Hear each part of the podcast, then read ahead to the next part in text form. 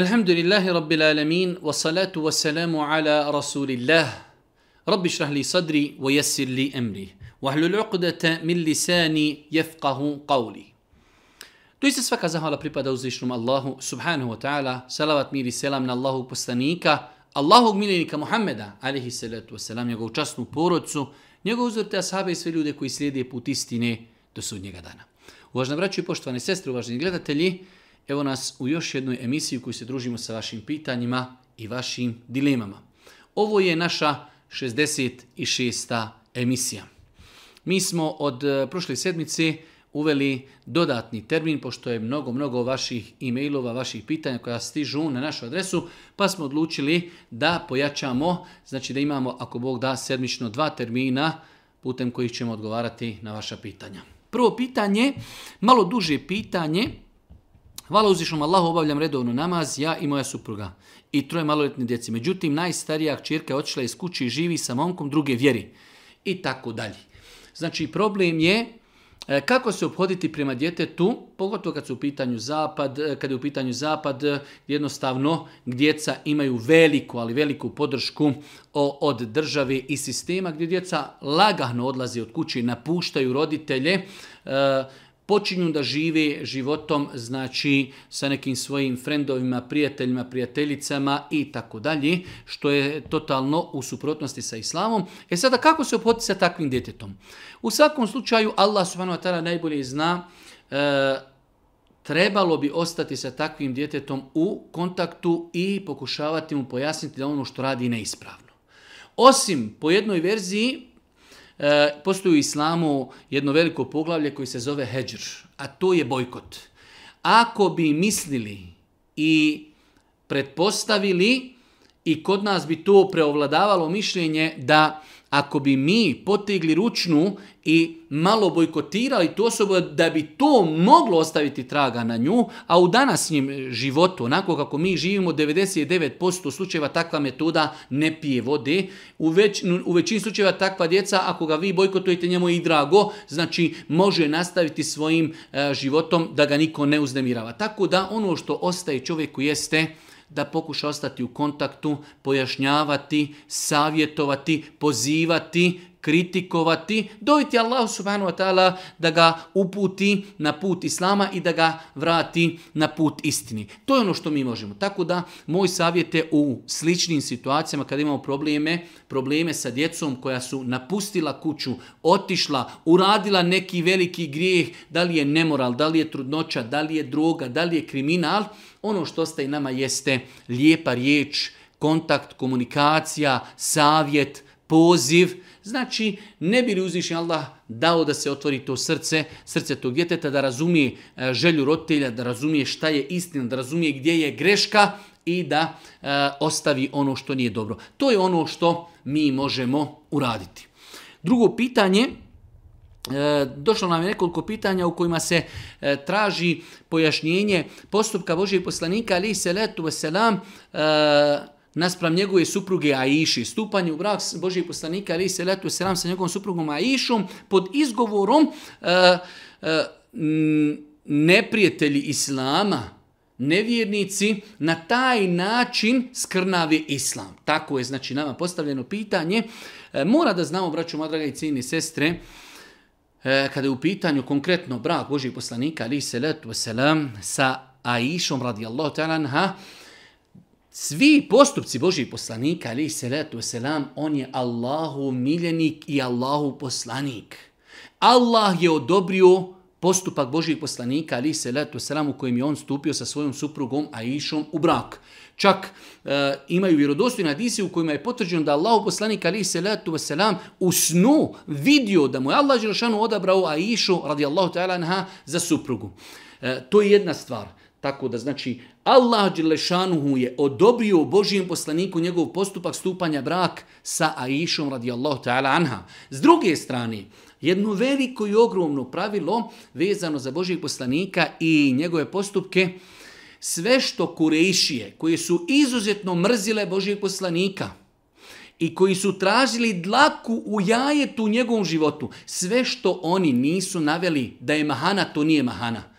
Znači, oni nisu Božijem poslaniku nikada prigovorili na njegov brak sa Išom radijallahu ta'ala, što to ukazuje da u to vrijeme, kada su se oni maksimalno trudili da iščaprkaju, da nađi bilo šta iz životopisa Božijeg poslanika, kako bi to prikazalo u nekom negativnom kontekstu, oni to nikada nisu spomenuli, što ukazuje da to takav čin, takav postupak u njihovom podneblju, u njihovo vrijeme uopšte je bila normalna pojava, tako da a, nema potrebe da mi branimo islam i poslanika ali se letu selam od tih nevjernika. Ako možete, prihvatite, ako ne možete prihvatiti, to nas ne interesuje, to je odobrio uzvišeni Allah subhanahu taala, to njegovi najveći neprijatelji u to vrijeme nisu smatrali nikakvom mahanom. I na taj način mi smo završili sa tom temom.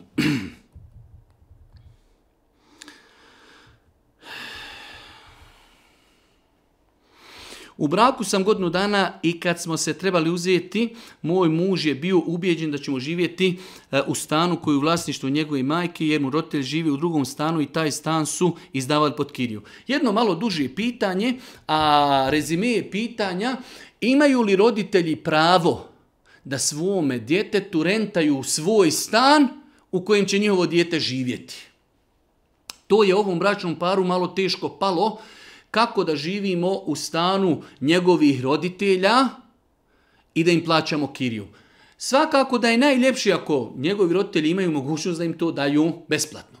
Ali ako je to njihovo vlasništvo, kao što bi plaćali kiriju tamo nekom hasi i husi i muji i sulji, isto tako možemo plaćati kiriju i njegovom ocu i njegovoj majci. Tako da sa aspekta šerijata nema ništa sporno da roditelji svome djetetu kažu stanovat ćeš u ovom stanu našim ako želiš i kirija je 250, 150 maraka, 300 kako se dogovori. Sa aspekta šerijeta nema tu ništa sporno.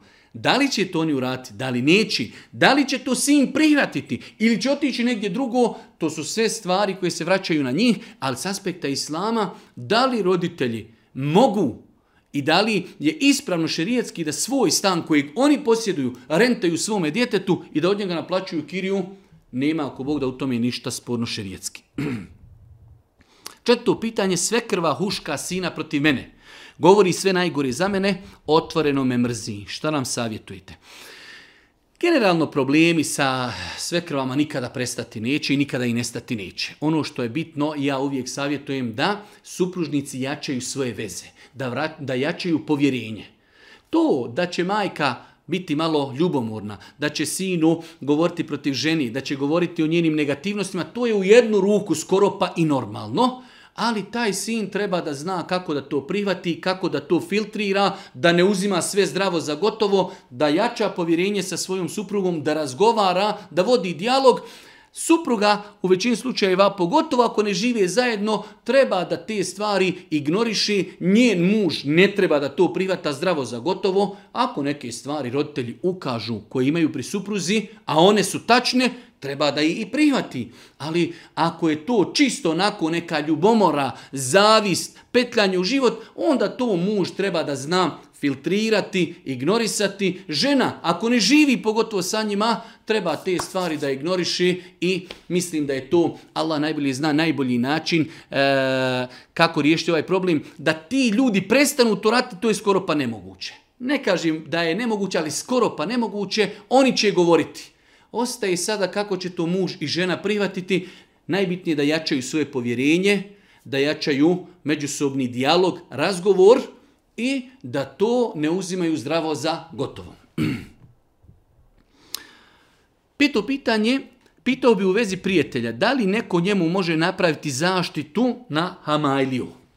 Nekada ljudi nam se javi, ne znaju kakav je naš stav prema određenim pitanjima. Naučili su ljudi da se jave tamo negdje nekom sihribazu pa kažu treba mi napraviti hamailu da me čuva. Ovaj kaže uplate na žiro račun toliko para, ovaj mu pošalje brzom poštom hamailu i ovce, site, vukovi na broju i tako dalje. E, mi ne pravimo hamailije.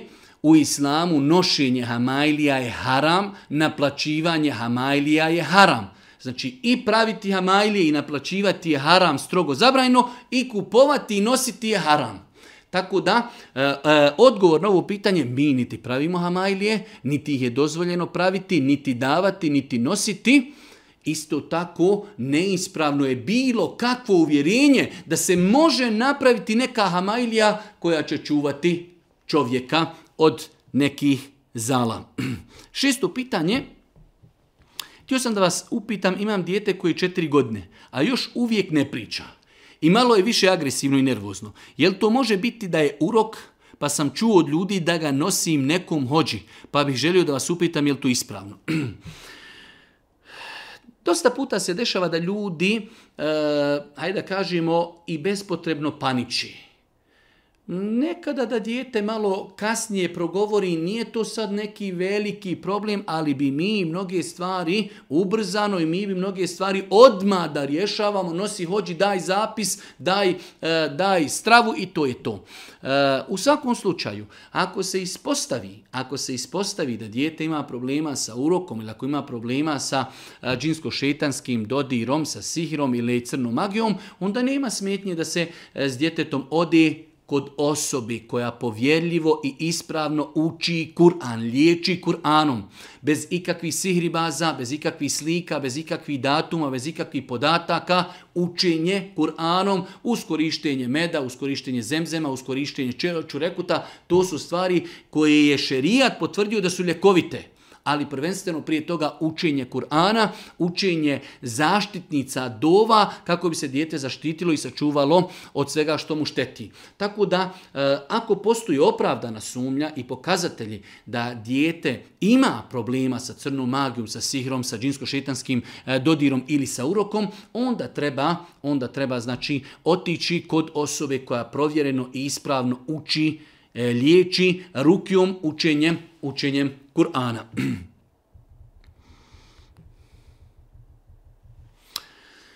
Naime, od dana kada se, znači, jedna sestra kaže da godinama već ima problem, naime, od dana kada se okupam od hajza i postanem čista, da mogu i bati, to traje 7 do 10 dana i onda počinje da mi se javlja uh, Eh, braunkasti sekret koji tako traje i 15 dana, pa onda kreni normalni obilni ciklus mene. I znači u svakom slučaju žena kaže očajna sam, više ne znam šta da radim, kada da klanjam, kada da ne klanjam i tako dalje. Eh, znači u islamu se to u terminima znači eh, i fikskim, a i za vrijeme Božih poslanika, ali se racionalno oni su to zvali sufra vel kudra. Sufra i kudra, znači smečkasto, crvenkasta tečnost, koja znači se pojavljuje kod žena.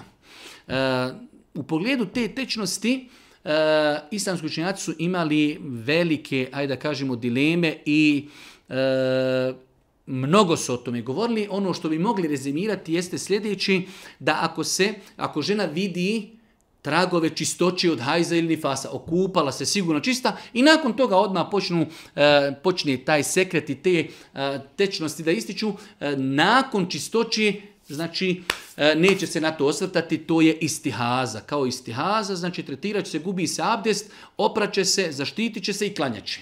Znači, nakon čistoći. Ali sada prije hajza, U pogledu toga islamski učenjaci su imali velika razilaženja. U svakom slučaju, ako to traje 15 dana, to nema nikakve opcije da to može biti hajz. Znači, ako isticanje sekreta, je, znači ove smečkasto crvenkaste tečnosti kod ženi, traje 15 dana prije klasičnog hajza, nemoguće ako je hajz 7 dana i da traje e, ta tečnost 15, e, ističe 15 dana, ispade da je hajz 20 dana. Nemoguća misija. Tako da, e, islamski učenjaci su kazali, e, dio učenjaka od koje je Šiju Semine kazao, e, ta smečkasto, crvenkasta e, tečnost ili sekret nikako nije hajz. Kad počne krvarenje pravo, to je hajz. Dio učenjaka je kazao ako se ta tečnost pojavljuje dan ili dva prije hajza, ali je popraćena bolovima hajza, tada se ona smatra hajz. Uh, Znači imamo, možemo slobno kazati, dva neka mišljenja.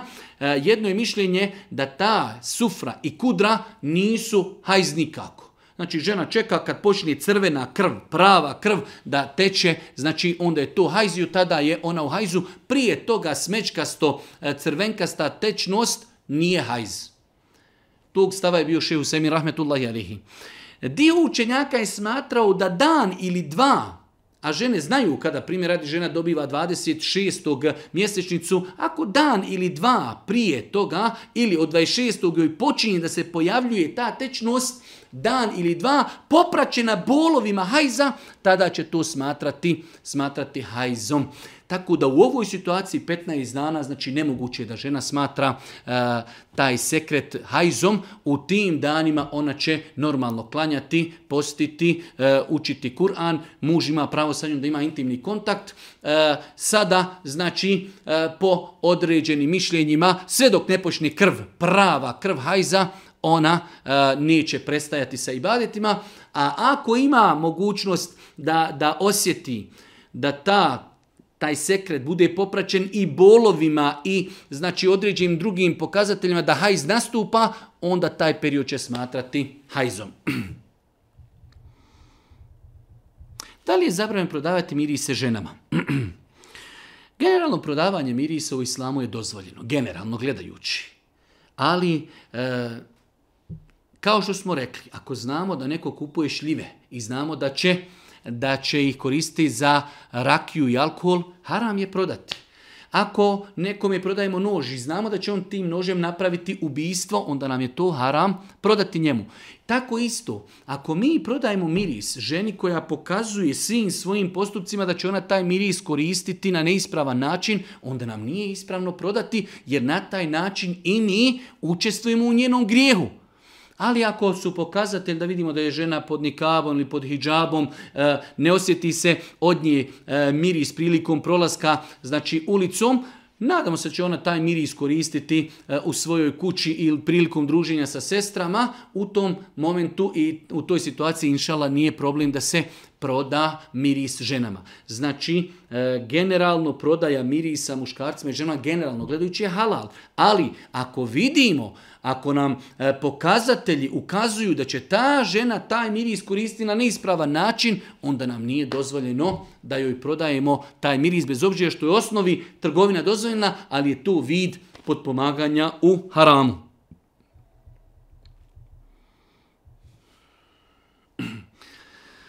Hanuma me podsjetila na dovu Rabbi Jesir, koju smo učili dok smo bili djeca od starijih džematlija naših nana i didova. Naravno, nismo je pronašli u Kur'anu i tihadijskim zbirom. Iako postoji, nas zanima vjerodostojnost isti. Pitanje je da li je ispravno učiti dovu Rabbi Jesir, vela tu asir, Rabbi tamim bil hajr. To je dova koju većina naše djeci nauči baš ovako kako je spomenuta, da li u mitefu, da li od djeda, da li od nani, da li od majke, da li od oca, rabbi jesir, gospodaru olakšaj, wala tu asir, i nemoj otežati. Rabbi temim bil hajr. Gospodaru, daj da se stvari završi na najpotpuniji bolji, najbolji mogući način. Ovakva dova nije prenesena od Božih poslanika, ali se letu. Sam tako da i ne možemo naći prvenstveno ni u Kur'anu, kao govor uzvišnog Allaha, niti u sunetu Božih poslanika. Ali isto tako, njeno značenje je apsolutno tačno. Rabbi jesir, gospodar, olakšaj. Vala to asir. I gospodar, nemoj nam otežati. Rabbi temim bil hajr. Gospodaru, olakšaj upotpuni, daj nam da nam se stvari upotpune na najbolji mogući način. Pa je dova ispravna. Kao što neko dovi gospodaru olakšaj mi e, da se zaposlim, gospodaru olakšaj mi da nađem posao, isto tako nema smetnje da mi ovu dovu koristimo, ali nije ona zabilježena od Božijeg poslanika, niti je to kuranska dova ali nije uvjet da bi određenu dovu dovili da mora imati znači e, takva dova zabilježena u hadisima Božijeg poslanika ili da je to kuranska dova. Tako da šta možemo kazati o dovi Rabbi Jesir da nije zabilježena od Božijeg poslanika, njeno značenje je potpuno ispravno i tačno, može se učiti, nema smetnja čovjek, e, znači kada određenu stvar dovi kaže Rabbi Jesir, wala tu asir, Rabbi temim bil hajr, nema nikakve smetnje da se ova dova uči u različitim različitim situacijama. mnogo, ali baš mnogo pitanja nam dolazi na temu da li je dozvoljeno nositi odjeću marke e, Nike. Velik broj islamskih učenjaka savrnog doba smatrao je da je muslimanu zabranjeno da nosi odjeću na kojoj ima e, na vidnom mjestu postavljen, postavljen znak, znak Nike. E sad, e, Zato sam rekao ciljano, velik broj učenjaka je to smatrao zabranjenim, tako da definitivno musliman to ne treba raditi. E, rekli smo da ima razlika između obuće i odjeće. Obuću su islamski učenjaci, ali dozvo, e, učenjaci dozvolili da se nosi zato što se odjeća nosi kao vid, e, bukvalno kažemo, poniženja nešto što se, u čemu se hoda po zemlji, po prašini, možda će se sutra stati u neki neđasjat, nešto nečisto, tako da nošenje takve obuće islamski učenjaci su dozvolili. E sada ostaje pitanje odjeće, ne savjetujem da se nosi, ali isto tako ako neko kupuje takvu odjeću baš zbog kvaliteti ili svidjela mu se model, svidjela mu se, hajde da kažemo, svidjela mu se e, određena boja, onda može preko tog, preko tog, e, hajde da kažemo, onaj, e, E, preko ti slova ili preko tog znaka uzeti nešto, e, zašiti, uštopati i mirna, mirna Bosna, ako Bog da. E, u jednom od odgovora čovjek nas spominje, kazali smo da imam kada ide na ruku, mi ga trebamo slijediti. Osim ako je ostalo pola ajeta ili ajet od fatihe, mi smo na ruku i Efendija kaže Allahu Ekber. Allahu Ekber. Mi trebamo ići za Efendijom, ali u datom momentu, znači ako smo mi ostali pola ajeta ili ajet, da završimo. Gajril magdubi alihim vola da lin amin i idemo za Efendijom. E sada je pitanje, ako mi znamo, klanjamo duži vremena za imamu i znamo da se ne zadržaje dugo na ruku, ako mi ostanemo učiti taj jedan ajet, on će se vratiti na kijam.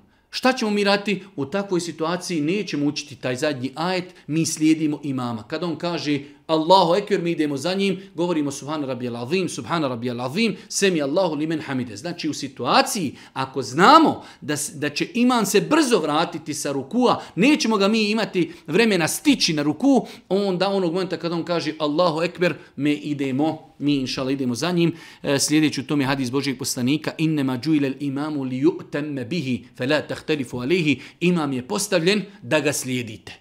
Kad on kaže Allahu Ekber i vi kažete Allahu Ekber, slijedite imama u svemu tomi.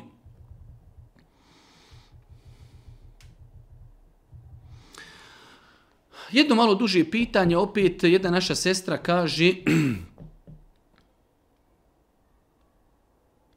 e, Udala je se za čovjeka koji je stariji od nje 21 godinu, 21 godinu, ali je naišla na osude društva, osude prijatelja, poznanika, iako kaže zadovoljna je sa mužem, sa njegovom vjerom, sa njegovim ahlakom, sa njegovim opođenjem prema njoj, znači e, jednostavno, ali pritisak je velik društva na nju kao udala se za čovjeka koji je mnogo stariji od nje, pa čak i neki kao kažu mogao bi on biti i otac.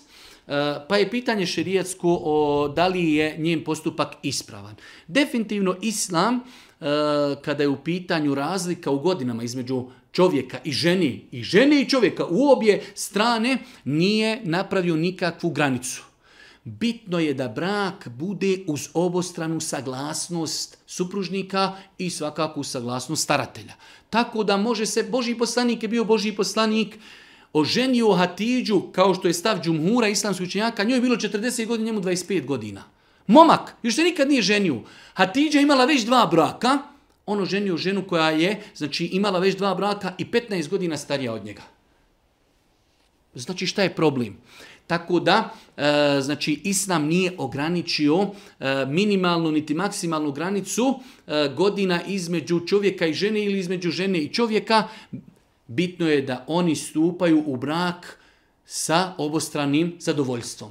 Čovjek sjedio sa ženom, ona se njemu svidjela, on se njoj svidio, on stariji od nje, ona starija od njega, to islam nije precizirao. Bitno je da imamo staratelja, da on to dozvoljava i da njih dvoje imaju uzajamnu, da njih dvoje imaju uzajamnu imaju e, znači uzajamno zadovoljstvo da njih dvoje jedno drugom odgovara e to što narodu našim ne smata, ne, našim narodu ne ne, sma, e, ne smeta blud ne smatraju ne smetaju filmovi serije razgoličeno sminjaci e, nargila droga alkohol kladionice to našim narod ne smeta ali našem narodu smeta ta čestita moralna djevojka koja se udala za čovjeka koji je stariji od nje 21 godinu, sa njim živi lijepo, on je pazi, ispunjava svoje obaveze prema njoj.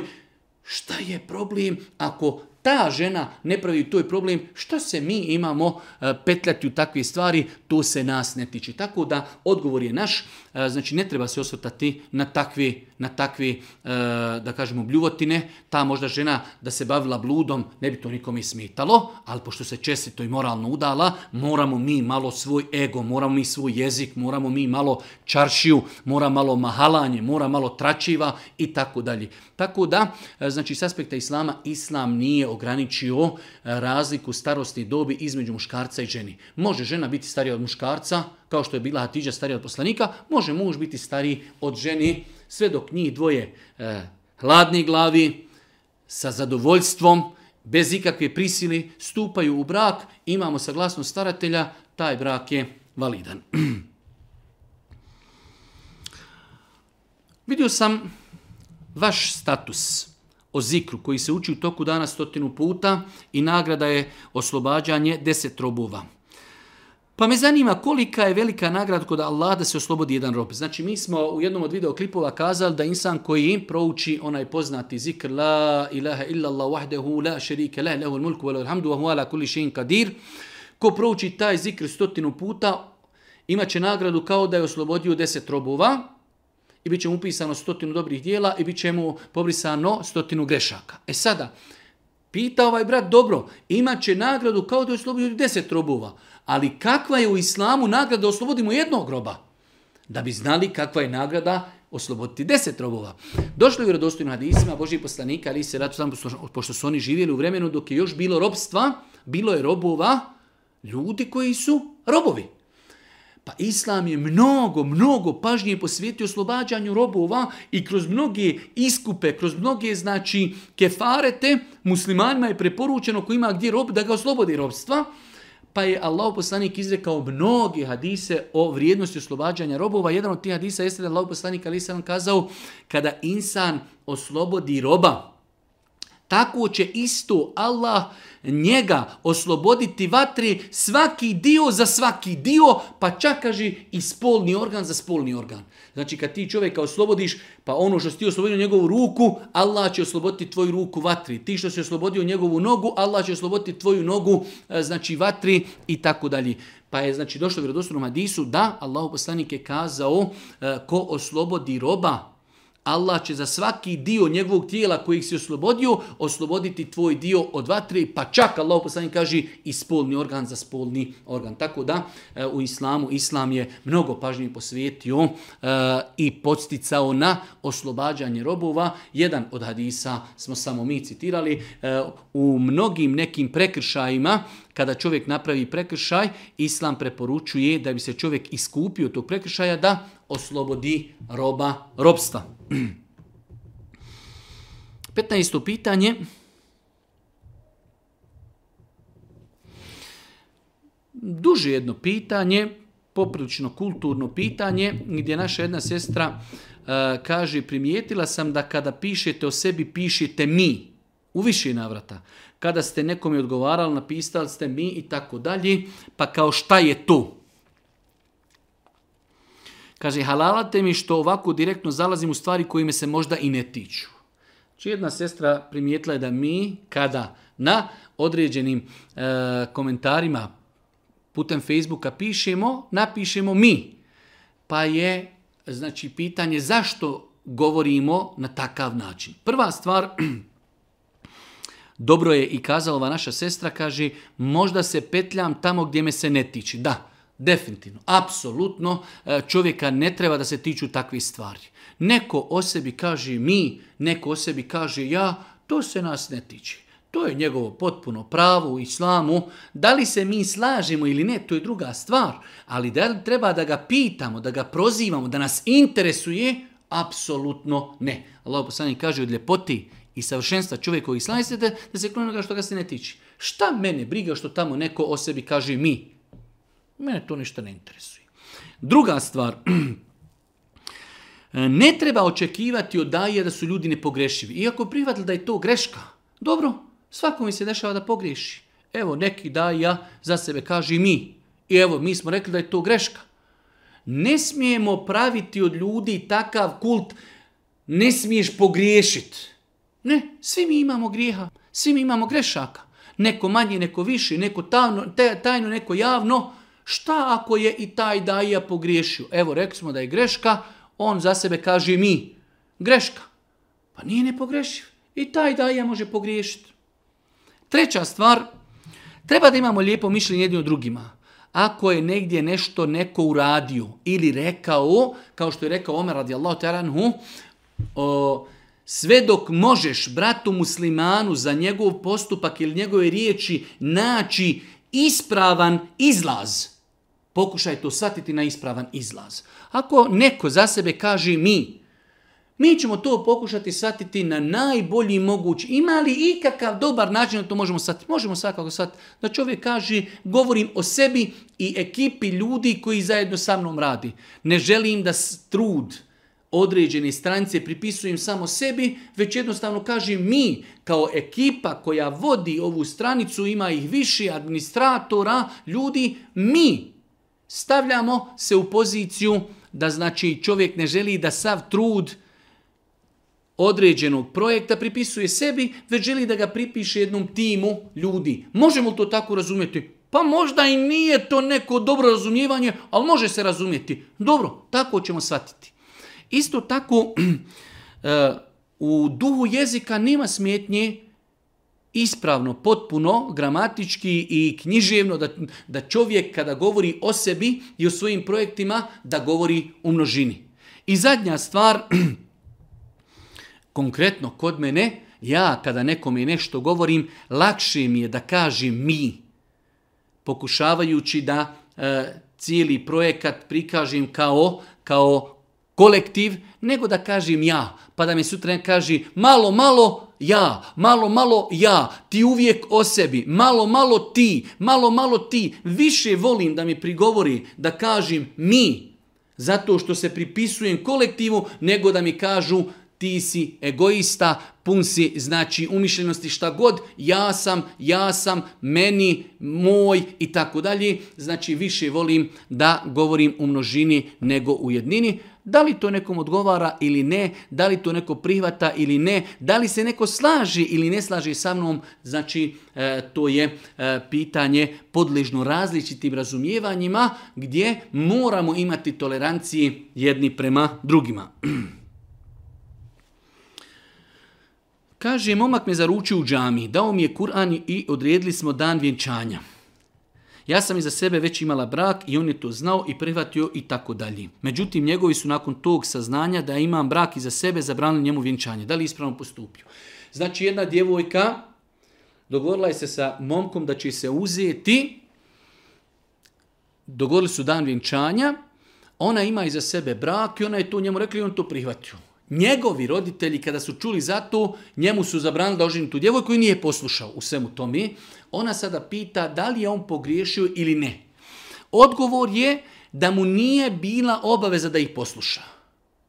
Znači, kada roditelji djete tu sugerišu da određenu osobu ženi ili ne, njemu nije obaveza da ih posluša.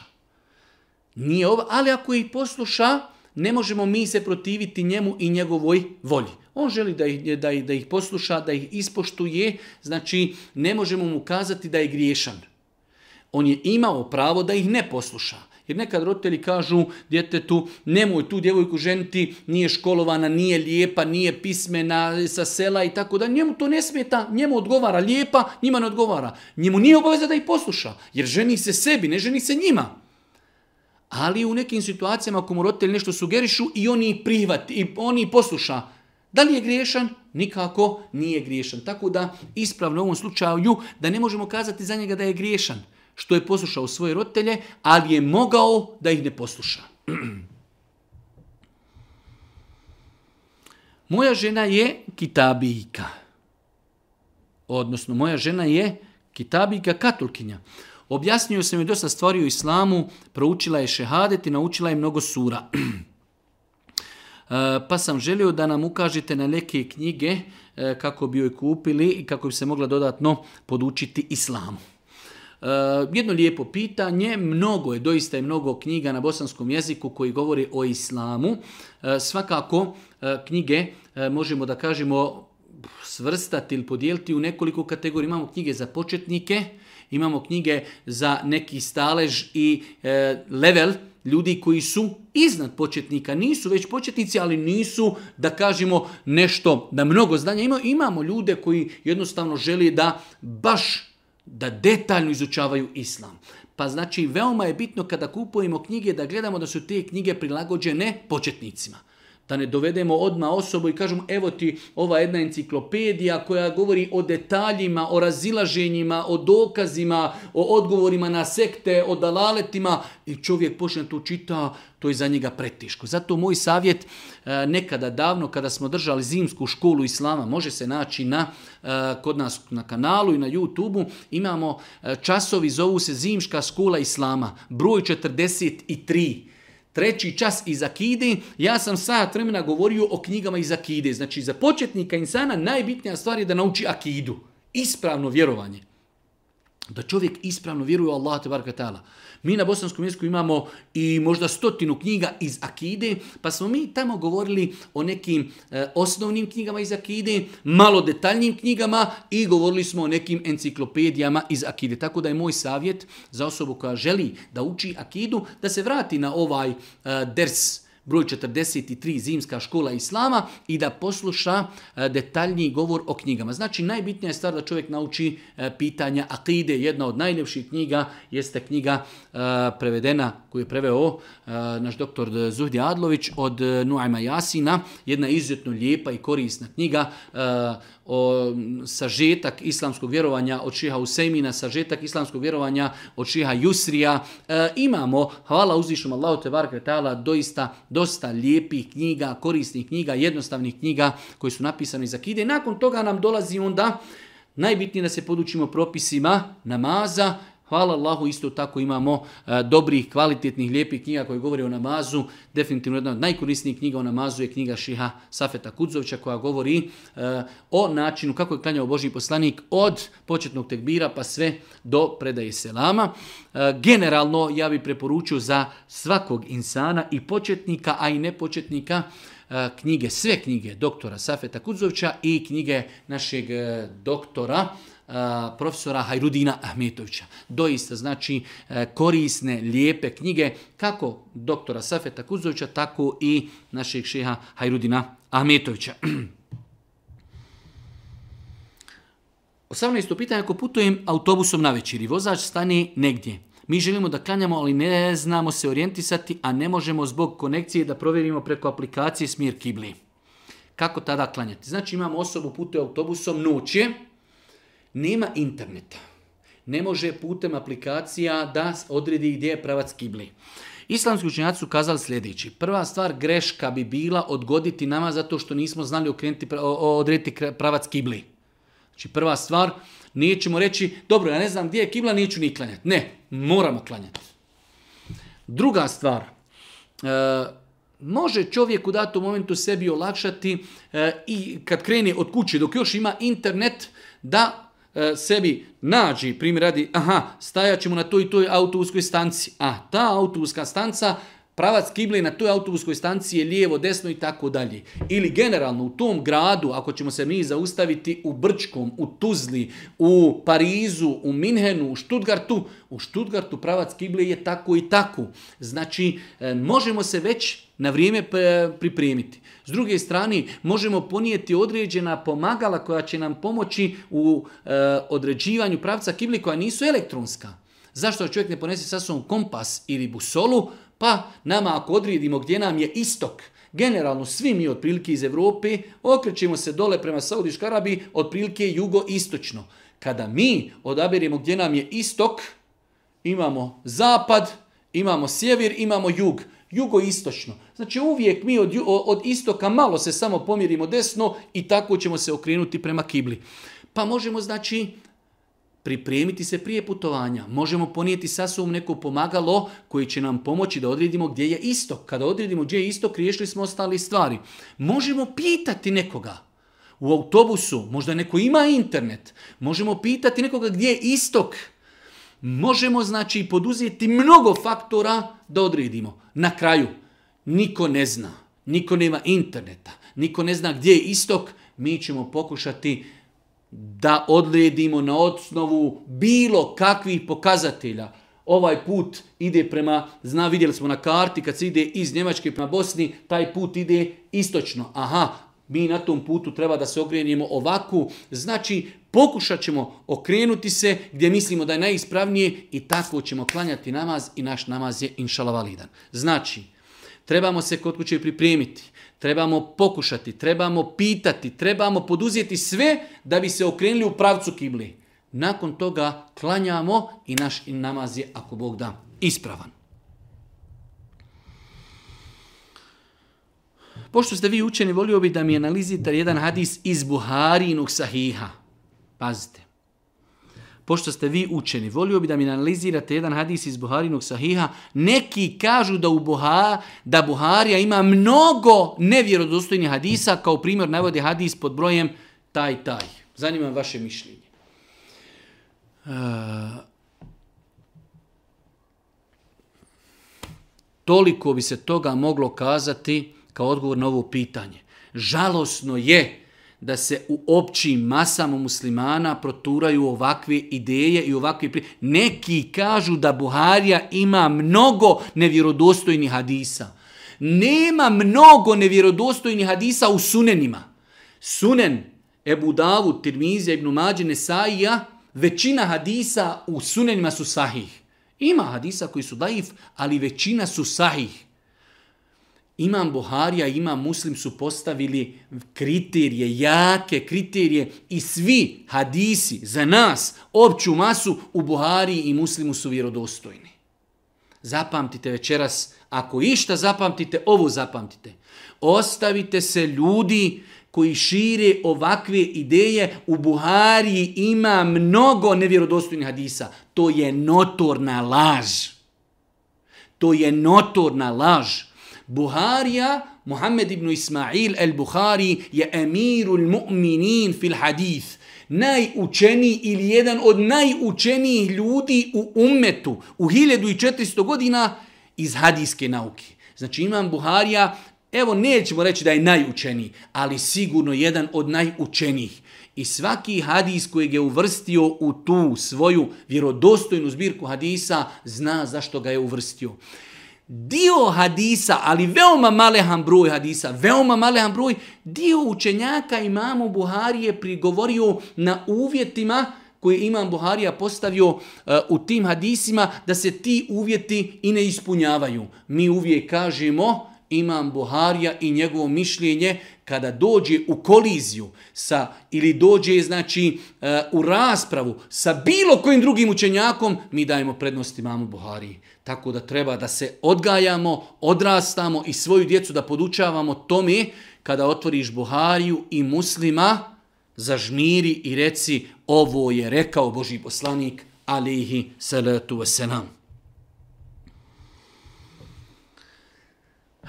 Vi ste objasnili da zarada na YouTube kanalu, ako reklama, e, oko reklama ako ima spornih momenta da je haram. Mene zanima da li je haram postaviti donacije na svom YouTube kanalu gdje vam ljudi doniraju novac. Či znači, mi smo u jednom od odgovora govorili o tome da li je ispravno dopustiti YouTube-u da objavljuje reklame kod nas na našim videomaterijalima. Pa smo kazali zato što je nemoguće filtrirati i e, izbjeći stvari koji su islamom sporne da to ne treba rati. Dobro. E sada, postoje neke opcije, ja ne znam za njih, ali da mi putem YouTube kanala ljudima ostavimo mogućnost da doniraju novac. E sada, pitanje se postavlja s kojim ciljem prikupljamo novac. Zašto prikupljamo novac? Ako prikupljamo dobrovoljne priloge da dajemo tamo negdje u humanitarni svrhe, to je inšala ispravno ako prikupljamo novac da bi pomogli islam muslimane ili čak i rad tog kanala, nije sporno. Ali ako to ljudi daju da bi nama, nama došlo do nas, onda možemo gledati s aspekta da li je to vid prosjačenja, da li mi od ljudi prosimo, a da li smo mi na levelu da možemo prositi od ljudi i tražiti. Tako da, uh, jedno pitanje koje bi trebalo jednu dodatnu analizu. Generalno, ono, ako čovjek ostavi samo mogućnost da ljudi uplaćuju, eh, on ih ne prisiljava da mu daju i oni ako daju dobrovoljno, ima ima jedna, eh, što bi rekli, težina da je taj njemu novac halal i dozvoljen. Ali u svakom slučaju, ako čovjek nema potrebe za tim novcem, bolje je, bolje je da taj novac ne uzima sebi, već da ako ljudi već doniraju, da se to donira za određene humanitarne svrhe ili za potrebe održavanja YouTube kanala.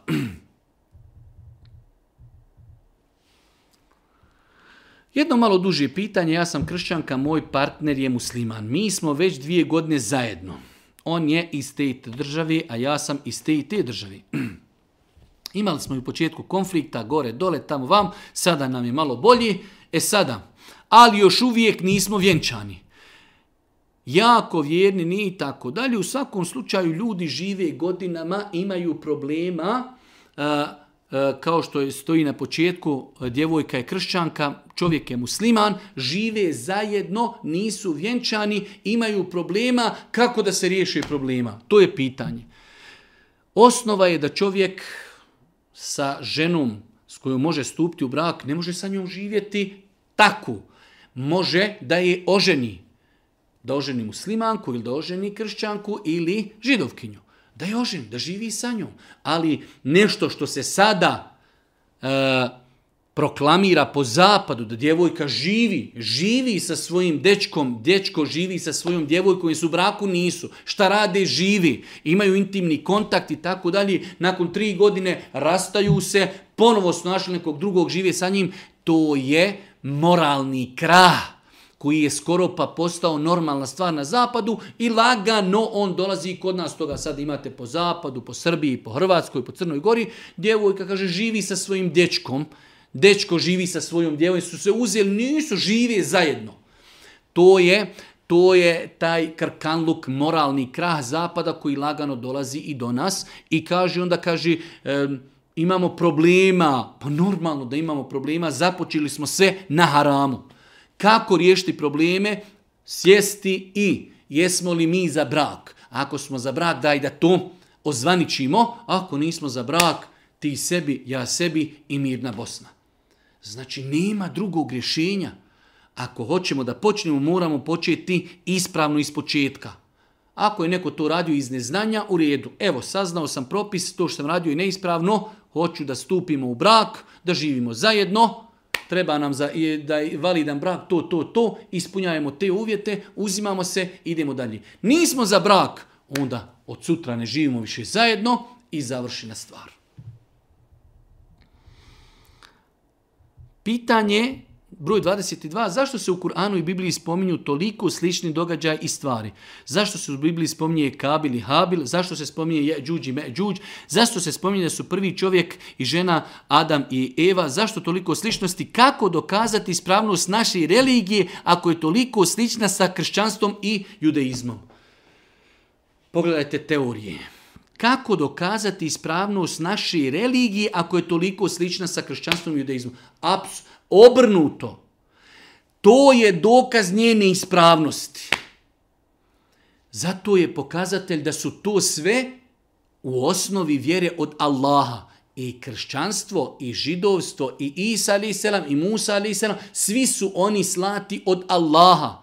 Ljudi su vremenom izmijenili određene stvari u objavama ali i dalje u tim objavama ima stvari koje su Božja riječ. Mi ne znamo šta je izmijenjeno, ali da uh, u Bibliji i da u eh, Tori da ima još stvari koje su Božja riječ, to je apsolutno istina. Tačno, samo dolazimo do problema što ne znamo šta je tačno, šta nije, šta su ljudi dodali, šta su oduzeli. I od, od tuda dolazi kao što je Allah Đelešanu u Inđilu govorio o Ademu i Havi, kao što je govorio o Jeđuđu i Međuđu, i kao što je govorio o Habilu i Kabilu, tako je govorio u Tevratu, tako je govorio u Kur'anu. I to je najveći dokaz istinitosti Islama. I to je najveći dokaz da su sve vjere, odnosno svi poslanici od Allaha, da su sve objave u osnovi od Allaha, ali Allah je garantirao samo da će čuvati islam od iskrivljenja.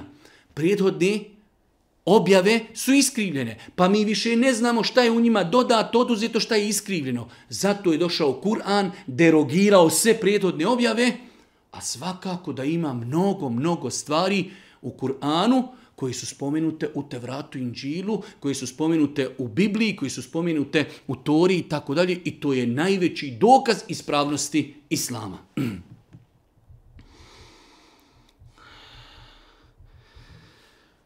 Zanima me da li je po islam, e, islamskim propisima muškarcu donda ima e, oblik brade. Znači čovjek nam je poslao sliku, imate muškaraca koji ovdje po obrazima duha imaju malo dlaka. Pa je pitanje mogu li se te dlake obrijati i da ostane samo prednji dio brade da se taj dio brije. Znači neispravno je, pogotovo ljudi koji imaju e, znači da kažemo, meku ili rijetku bradu, u osnovi trebaju da puste bradu da raste. Ima dio učenjaka koji smatrao da čovjeku kome brada naraste preko dužine šaki, može taj dio odrezati. Ali ako brada nije došla do dužine šake, nema se tu ništa dirati. Bilo ovdje dlake, bile ovdje, bile ovdje, bile ovdje, ovdje rijetke, ovdje guste, to čovjek ne treba. Brada se ne pušta zbog ljepote. Niti se nosi zbog ljepote. Brada se nosi kao pokornost gospodaru brada se nosi kao pokornost poslaniku ali se letu selam koji je naredio puštanje bradi. Znači imamo moment ako nam brada naraste e, u dužini više od čaki, da ima učenjaka koji su kazali da se tu može skratiti. Do tada ne diraj ništa. To što je kod nekoga rijeđa brada, znači od ušiju pa e, po obrazima, To nikakav dokaz nije da tu trebamo obrijati i ostaviti samo jedan dio brade, znači osobe koje imaju rijeđu bradu treba da puste bradu, da raste. Onog momenta kada brada prijeđe dužinu šaki, po mišljenju određenog dijela učenjaka i po mišljenju e, praksi određena shaba, može se taj dio brade skrati. Do tada ništa na bradi ne treba dirati. E, drugo pitanje...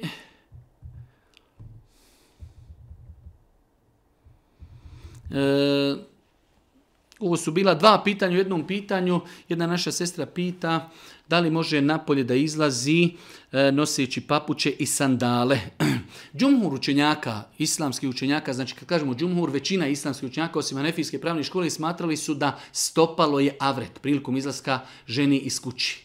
Znači, većina islamskih učenjaka smatra da žena prilikom izlaska iz kuće griješna je ako ne pokrije stopala. Hanefijski mesec je smatrao da stopalo nije avret, da žena prilikom izlaska iz kući nije griješna ako iziđe otkrivenih stopa, ali u svakom slučaju e, bolje je, prioritetnije je i bogobojaznije da žena kada izlazi iz kuće, žena znači vjernica pokrivena, e, u jednu ruku možemo slobno kazati u današnjem vremenu i ne doliči žena lijepo obukla mahramu, nosi dugi rukav, nosi džilbab i dole onda ispod džilbaba sjevaju noge na kojima nema, na kojima nema čarapa, doista nešto za što bi se moglo slobodno kazati da ne doliči ne doliči to ženi vjernici, pokrila lijepo mahramu, pokrila e, obukla dugi džilbab i onda dole ispod džilbaba sjevaju noge na kojima nema čarapa, doista nešto što ne doliči, znači džumhur učenjaka je smatrao da su e, stopala ženi avreti. Tako da, e, definitivno, prioritetnije je i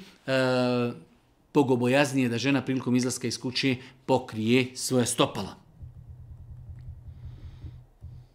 Imam običaj da prvo nešto uradim kupim, prodam, poklonim, pozamim, to mi slično, a da pri tome i ne konsultujem suprugu.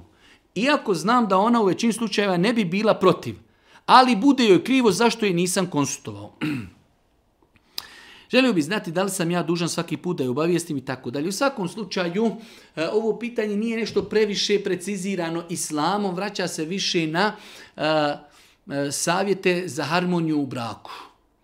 Ako znamo da naš E, supružnik, u ovom slučaju žena, da joj smijeta ako donosimo neke krupnije odluke, a da je ne pitamo, onda a, možemo da je pitamo, definitivno, kao što je Allah poslanik, ali se ratu islamu, više slučajeva konsultovao svoje supruge u teškim i komplikovanim situacijama i pitanjima, ako znamo da će to pojačati harmoniju, da sjednemo, da porazgovaramo, da čujemo njeno, njeno mišljenje, znači, e, jedan od načina i metoda jačanja bračni harmonije jeste da se čovjek konsultuje sa svojom suprugom kao što je to bio sunet Božijeg poslanika alihi salatu wasalam. Svakako treba da tu imamo e, jednu i granicu e, da opet ostaje mogućnost da muž, ako su to stvari koje su vezane za njega i njegov život, da ima, što bi rekao, potpuno pravo da donese odluku, da mu se to ne uzima za zlo, da, da mu se ne nameće kao vid obaveze moraš me pitati, ali ako to nekome smijeta, osobe se radi, imate žena koja kaže nemoj me ništa pitati, najviše volim donesi sam odluku i završi, nemoj me time umarati. Ali ako imamo ženu koju to smeta i poremetit će nam to brašnu harmoniju, onda ako znamo da je kompetentna, da je konsultujemo u takvim stvarima, zašto da je ne konsultujemo? A, ali, znači, ako su pitanja vezana samo za muža, a ne za nju, ne smijemo mu kazati moraš je konsultovati i ne smiješ donijeti odluku e, bez nje, ali više govorimo u kontekstu savjeta. Lijepo je da čovjek konsultuje na taj način će sigurno dati e, na pažnji e, i na respektu eh, prema svojoj supruzi, ali svakako da od samog, eh, hajde da kažemo, eh, starta uvijek imamo tu dozu e, e, mogućnosti da čovjek ipak na kraju donese odluku za koju on smatra da je najbolji, ali da sjednu, da razgovaraju, da analiziraju, apsolutno podržajem i smatram da je to potrebno. Možete nam reći da li se osoba smatra bludnikom ako ide po masažnim salonima gdje rade žene i koriste njihove tretmane? Da li se osoba smatra bludnikom ako ide u e, salone za masažu gdje rade žene i znači konzumira te njihove usluge? E, moramo se paziti u životu. To što neko radi ide, e, taj postupak je neispravan, zabranjen ali isto tako nemoj da mi na njegovu zabranu, njegov haram udarimo haramom. U islamu za nekoga da je počinio blud možemo kazati samo u tri situacije.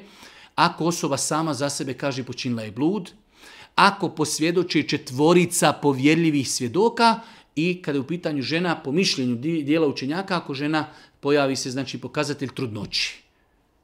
To su tri načina kako možemo znati da je neko počinio blud. Mimo toga, Da za nekoga kažemo da je bludnik, to je vid potvore ako nije jedan od ova tri načina dokazivanja.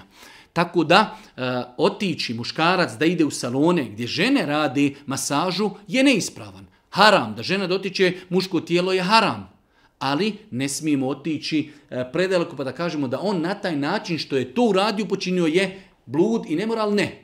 Već je neispravan postupak zabranjen islamom, a on nije time učinio blud.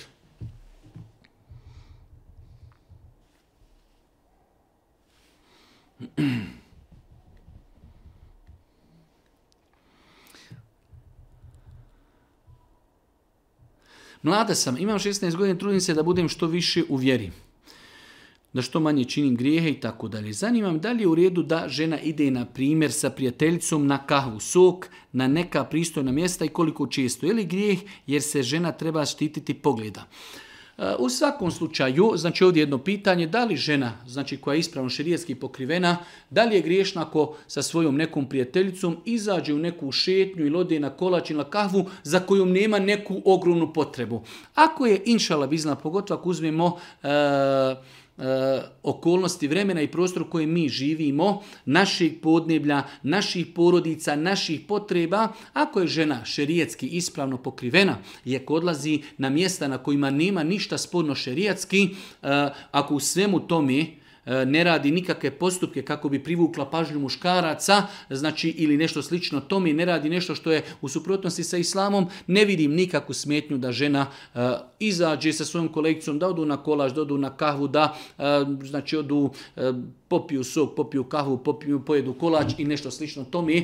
E, jednostavno kao vid kao vid opuštanja, šetnje, e, druženja, e, upoznavanja, sve su to, inšala biznila, dopuštene i dozvoljene stvari. E svakako da sve to ima opet svoju neku granicu, neće dnevno otići tako pet puta, a isto tako da kažemo nemoj ići osim u šest mjeseci jednom, e, znači nešto za čim čovjek ima normalnu neku ljusku, ljudsku, društvenu, socijalnu potrebu da u jednom u danu, jednom u tri dana, dana, jednom u pet dana ode sa svojom kolegicom sok, kahva, kolač, prošetaju, uh, u svemu tome ispravno pokrivene, uh, uh, ne privlači pažnju muškaraca, ne vidim u tome, ako Bog da, ništa sporno. Čula sam na vašem predavanju da se sunneti od akšama prije farza trebaju klanjati, a zatim čujem da je pokuđeno klanjati jer nisu savi prije farza klanjali. E, znači, ajde da malo sad ne analiziramo, ali generalno, pitanje je e, klanjanje sunneta prije farza akšama, akšamski farza. E, prva stvar, imamo općenit hadis u kojem Allah poslanik Ali Seratu Selam kaže između svakog ezana i kameta mogu se klanjati dva rekiata. Znači, to je općenit hadis koji obuhvata i akšam namaz. E, To je općenit hadis. Imamo hadise da je Boži poslanik Ali Selatu Sram e, u jednu ruku i naredio pa je govorio klanjajte prije akšama, klanjajte prije akšama, klanjajte prije akšama, znači na, misleći klanjajte nakon što se prouči ezan za akšam, pa prije farza klanjajte ko hoće. Pa je to, su, to nisu potvrđeni sunnjati, oni 12 potvrđeni sunnjati, mi to ne govorimo ali da je potvrđeno, potvrđeno. S druge strane, vjerodostojni hadisi kažu, Enes radijallahu ta'ala kaže, kada bi se proučio e, Ezan Zakšam, kaže, veliki i ugljedni ashabi se, znači, redali su se po oko stubova džamije Božije poslanika da bi prema stubu klanjali ta dva rekiata prije nego što bi se učio i kamet i Božiji poslanik bi to gledao i nije to negirao i niti je ukorio. Tako da znači, imamo općenite hadise da je Boži poslanik rekao između ezana i kamete se može klanjati. To je jedna stvar. Imamo hadise gdje je poslanik rekao klanjajte prije akšama, oni koji želi. Imamo praksu ashaba suprotno pitanju, e, znači da su uh, ugljed, njenes kaže, veliki i ugljedni, odabrani ashabi, klanjali su ta dva rekiata, okrećući se stubovima Božih poslanika, ali ih se letu, stubovima džamije Božih poslanika, ali ih se letu. Sam tako da to što nije praksa na našim, kod nas, našim podnim, da se klanjaju ta dva rekiata, to je nešto drugo, ali uh, u arapskom svijetu, pogledajmo, upalimo TV i pogledajmo noćas akšam ili uh, akšam u Medini, putem e, satelitskog programa ili e, u Mekki, vidjet ćemo uči Ezan, čeka se 10 minuta i nakon toga se uči Kame. Tako da praksa e, u Mekki i Medini i danas dan je da se e, nakon e, proučenog Ezana ostavi prostor da se mogu klanjati dva rekiata. da li je insan, da li se insanu prima zikr ako je u sta, e, džunup stanju? i da li se donošenje salavata na Allahovog poslanika prima u takvom stanju. Nema smetnje, nema smetnje da čovjek dok je u džunup stanju da zikri, da veliča Allah, da kaže subhanallah, alhamdulillah, Allahu akbar, la havla, vela kuvata illa billah i da donosi salavate na Božijeg poslanika. Čak šta kaže dio učenjaka eh, da to može biti i vid pa nećemo reći obavezi, ali pohvalno ako je čuo da je neko spomenuo poslanika. Znači imamo čovjek u džunup stanju i neko u njegovom prisutu kaže Muhammed alihi selam. Nama je pohvalno i lijepo da i mi kažemo sallallahu alaihi wasallam. Znači da donesemo salavat na Božijeg poslanika u stanju džunupluka ako je neko spomenuo ime Božijeg poslanika u našem prisustvu. Tako da e, odgovor je nema smetnje da čovjek u stanju džunupluka, dok se još nije okupao, zikri veliča Allah subhanahu wa ta'ala riječima subhanallah, alhamdulillah, Allahu akbar, la hawla wa la kuvata illa billah, istagfirullah i tako dalje. I nema smetnje da donosi salavate na Božijeg poslanika u stanju džunupluka, a možemo kazati da je pohvalno i lijepo ako neko u prisustu džunu posebe spomene Božeg poslanika, da on na to uzvrati i donese salavat na Allahog poslanika, ali se to se nam. I posljednje pitanje, e, kod mene, evidentirano kao 30. pitanje, imam pitanje koje me tetka zamolila da vam postavim. Ona naime, e, kaže unazad godinu dana redovno klanja, nije pokrivena i udata je za katolika. Znači imamo ženu, redovno klanja, nije pokrivena i udata je za katolika. Jutro je imala san, kaže, neko je rekao da uh, u snu, da to što klanja uh, kao nema nikakve svrhe, kao da se to ne računa. Znači, žena je muslimanka, nije pokrivena, redovno klanja, ali udata je za katolika.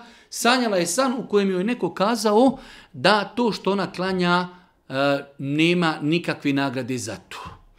Uh, ja nisam neko ko tumači snovi, ne želim tumačiti san, ali ja gledam na postupak ove žene kroz prizmu prava islama, kroz prizmu fikha. Udati se za katolika je haram, ali ta žena i dalje ostaje muslimanka. Nije namaz, nema nikakve vezi, generalno gleda ako žena se ispravno pokrije, uzme abdest, okrije se prema kibli, prouči sve što treba, na osnovu čega joj možemo kazati da je njen namaz neispravan. Tako da, uh, svakako znači osuđujemo neispravne udati se za nemuslimana, reksimo po konsenzusu islamskih učenjaka je haram, ali ta žena i dalje muslimanka. Ne nosi mahramu i to je grijeh u redu, ali klanja namaz. Na osnovu čega da ju kažemo da njen namaz nije ispravan, ne ulazeći u njen san. Tumačenje snova nije naša e, znači struka ni specializacija da mi o tome govorimo, ali govorimo s aspekta pravnog, žena udata za nemuslimana, to je haram, zabranjeno. Žena ne nosi mahramu, haram, zabranjeno žena klanja, muslimanka. Žena što ne nosi mahramu, i dalje je muslimanka. Žena udata e, za nemuslimana, i dalje je muslimanka. Tako da ne vidim nikakve potrebe e, da se iz ovog sna svata da njeni namazi nisu ispravni. Svakako da treba što prije da se odluči da e, ostavi ove grijehe, da se pokaja Allah Žešanu zbog tih grijeha koje je činila, ali nije namaz, ako Bog da je ispravan, nema nikakve veze sa spomenutim dijelima. Allah smanu tala volimo da nas podući propisima vjeri, Molimo ga subhanahu wa ta'ala da budemo milosti na sudnjem danu i na kraju subhaneke. Allahumma da bihamdike, šedun la ilan stakfiruke, wa etubu ilik. Oh, oh, oh.